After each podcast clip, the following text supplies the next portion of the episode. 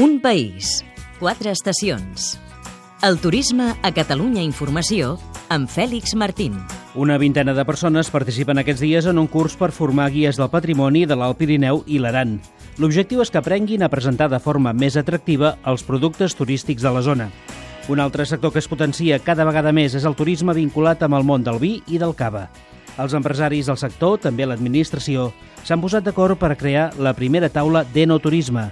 Escoltarem la directora general de Turisme de Catalunya, Mariam Muro. Diverses entitats del territori s'han unit per impulsar un curs per formar guies de l'Alt Pirineu i l'Aran. Han estat dos mesos aprenent les millors tècniques per despertar l'interès dels visitants. Un reportatge de l'Eloi Barrera, amb el muntatge musical de Josep Plazas. Un país, quatre estacions. El turisme a Catalunya Informació. Quan tu a vegades dius que hi ha un preu, que la visita és, és guiada, hi ha vegades hi ha gent que se, no, que se'n tira enrere. Et demana que s'hi pot anar per ell sol i que et demana una audioguia o et demana... No, no, no senyor, aquí la visita és guiada, és únicament guiada hi ha gent que no acaba d'entendre que sigui així. Com millorar la feina dels guies turístics? Com fer-la més professional? Això és el que s'han plantejat diverses institucions del Pirineu, on hi ha un patrimoni cultural amplíssim, però potser en alguns casos no s'ha sabut explicar prou bé.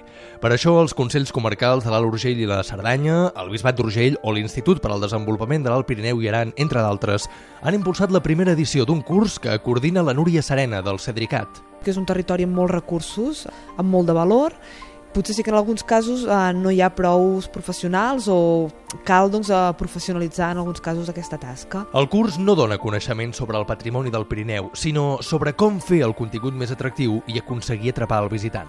Una de les professores, Cristina Simó, parla de fer connectar el públic amb el patrimoni. Provocar pensament i provocar connexions amb el patrimoni.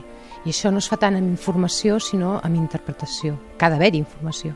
Però l'has d'haver posat de certa manera. A altres països fa molts anys que estan fent això i realment es veu que és el que funciona, molt millor que el guia lloro, diguem, aquells que tot tenim la imatge recitant. En definitiva, es tracta de fer els continguts més atractius per posar-los en valor. I per fer aquest canvi de xip als guies del Pirineu s'ha organitzat aquest curs teòrico-pràctic de 40 hores on s'han inscrit una vintena d'alumnes, com l'Anna López. De renovar-se un mateix i renovar també el territori, no?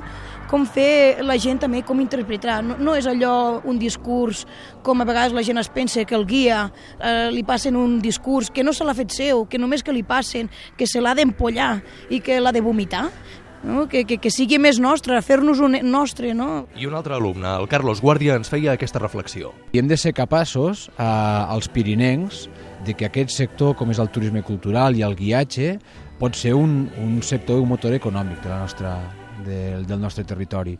I això passa doncs, per buscar algun tipus de fórmula per fer més atractiu els nostres, les nostres propostes, els nostres productes, etc. Ara el curs, que ha durat dos mesos, és a punt d'acabar-se. Els alumnes no descarten que d'aquesta experiència en surti algun nou projecte empresarial.